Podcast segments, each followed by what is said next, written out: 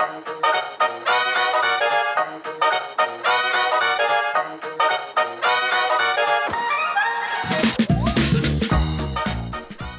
til Kulinarisk ølprat, podkastserien der du kan lære mer om øl og mat. Mitt navn er Jørn Idar, og i dag så skal jeg fortelle litt mer om den store øl- og happeningen i 2024, nemlig Kulinarisk ølsirkus. Kulinarisk ølsirkus det arrangerte jeg for første gang i år, eh, i den første helga i februar, og hadde med meg fem bryggerier, fem øl, fem kokker, og det ble fem matretter. Rett og slett en eh, kulminering av en tanke jeg har hatt eh, i snart et tiår om at eh, det burde jo være en eller annen festaften, det burde være en eller annen feiring av godt øl og mat eh, i kombinasjon. Eh, og det ble rett og slett eh, den enkle misjonen til Kulinarisk ølsirkus, nemlig å vise hvor fantastisk godt og spennende det er å kombinere øl og mat. Og vet du hva, jeg tror ikke det var så veldig mange som eh, eh hadde noe å klage på, kanskje utenom han ene som ga en tilbakemelding om at konferansieren, altså jeg, prata litt vel mye. Og vet du hva, den tar jeg. Men eh, når det er 136 gjester, og det er den eneste eh, negative tilbakemeldingen jeg får, så tror jeg altså Kulinarisk ølsirkus er inne på noe som jeg tror veldig mange har interesse av, enten de er ølnerder, eller er bare glad i ting som smaker godt. Så derfor så kjører jeg i gang 3. februar i 2024 en ny utgave av Kulinarisk ølsirkus, der jeg håper å kunne fylle hele Grorud samfunnshus med smakselskere fra hele landet. Altså, i fjor så kom det noen flygende fra Kirkenes til Grorud bare for å være med på denne aftenen her, og jeg håper at jeg kommer til å få se masse fantastiske mennesker på det her, for det kommer til å være en, en opplevelse.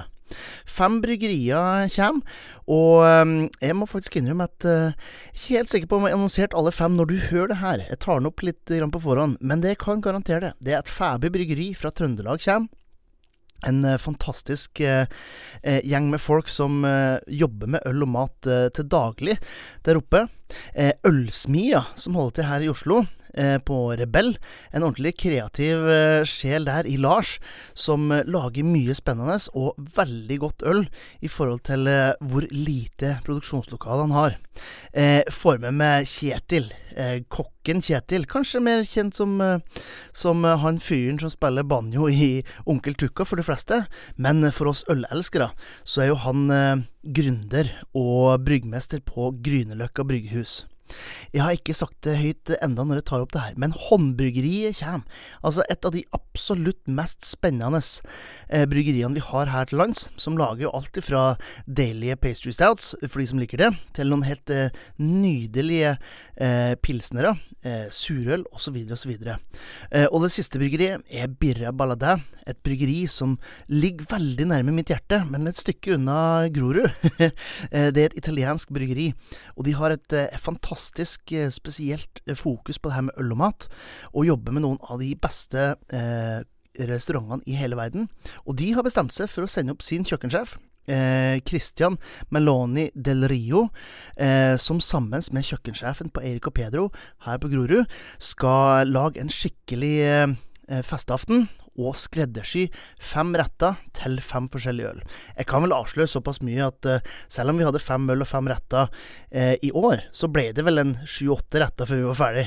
Så, så en ordentlig valuta for pengene her, det kan jeg garantere.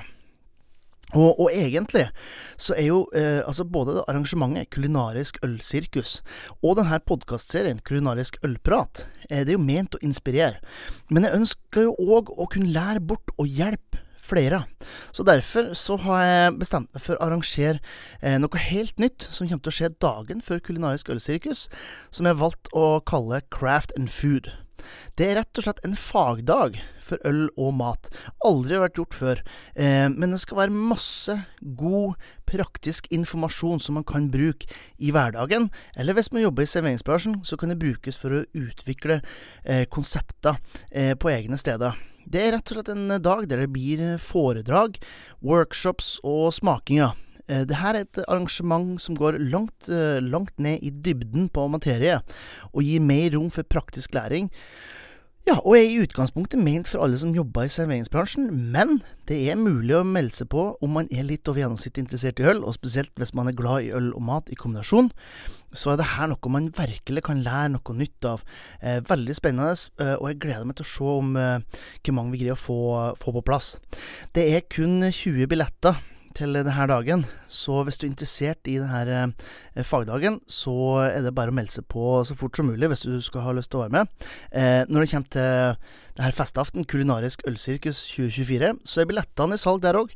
Så du kan sjekke ut olsirkus.no, eller gå via linken i shownotesen for å, å, melde på. Jeg kan garantere at det blir en ordentlig hyggelig eh, kveld på Grorud.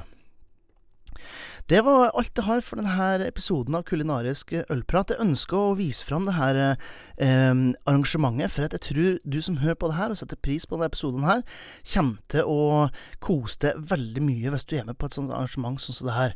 Om det er en Bearmakers dinner eller en hel festaften, sånn som Kulinarisk ølsirkus, så er det å få lov til å smake mat laga av fagfolk med et spesielt eh, ja, fokus inn mot det som skal eh, drikkes, eh, så er det jo rett og slett bare nytelse som venter, og det er veldig inspirerende. Sjøl for meg som har holdt på med det her i over et tiår, så er det her eh, altså den ultimate læring og gleden, det er når man får lov til å, å oppleve sånne smakskombinasjoner.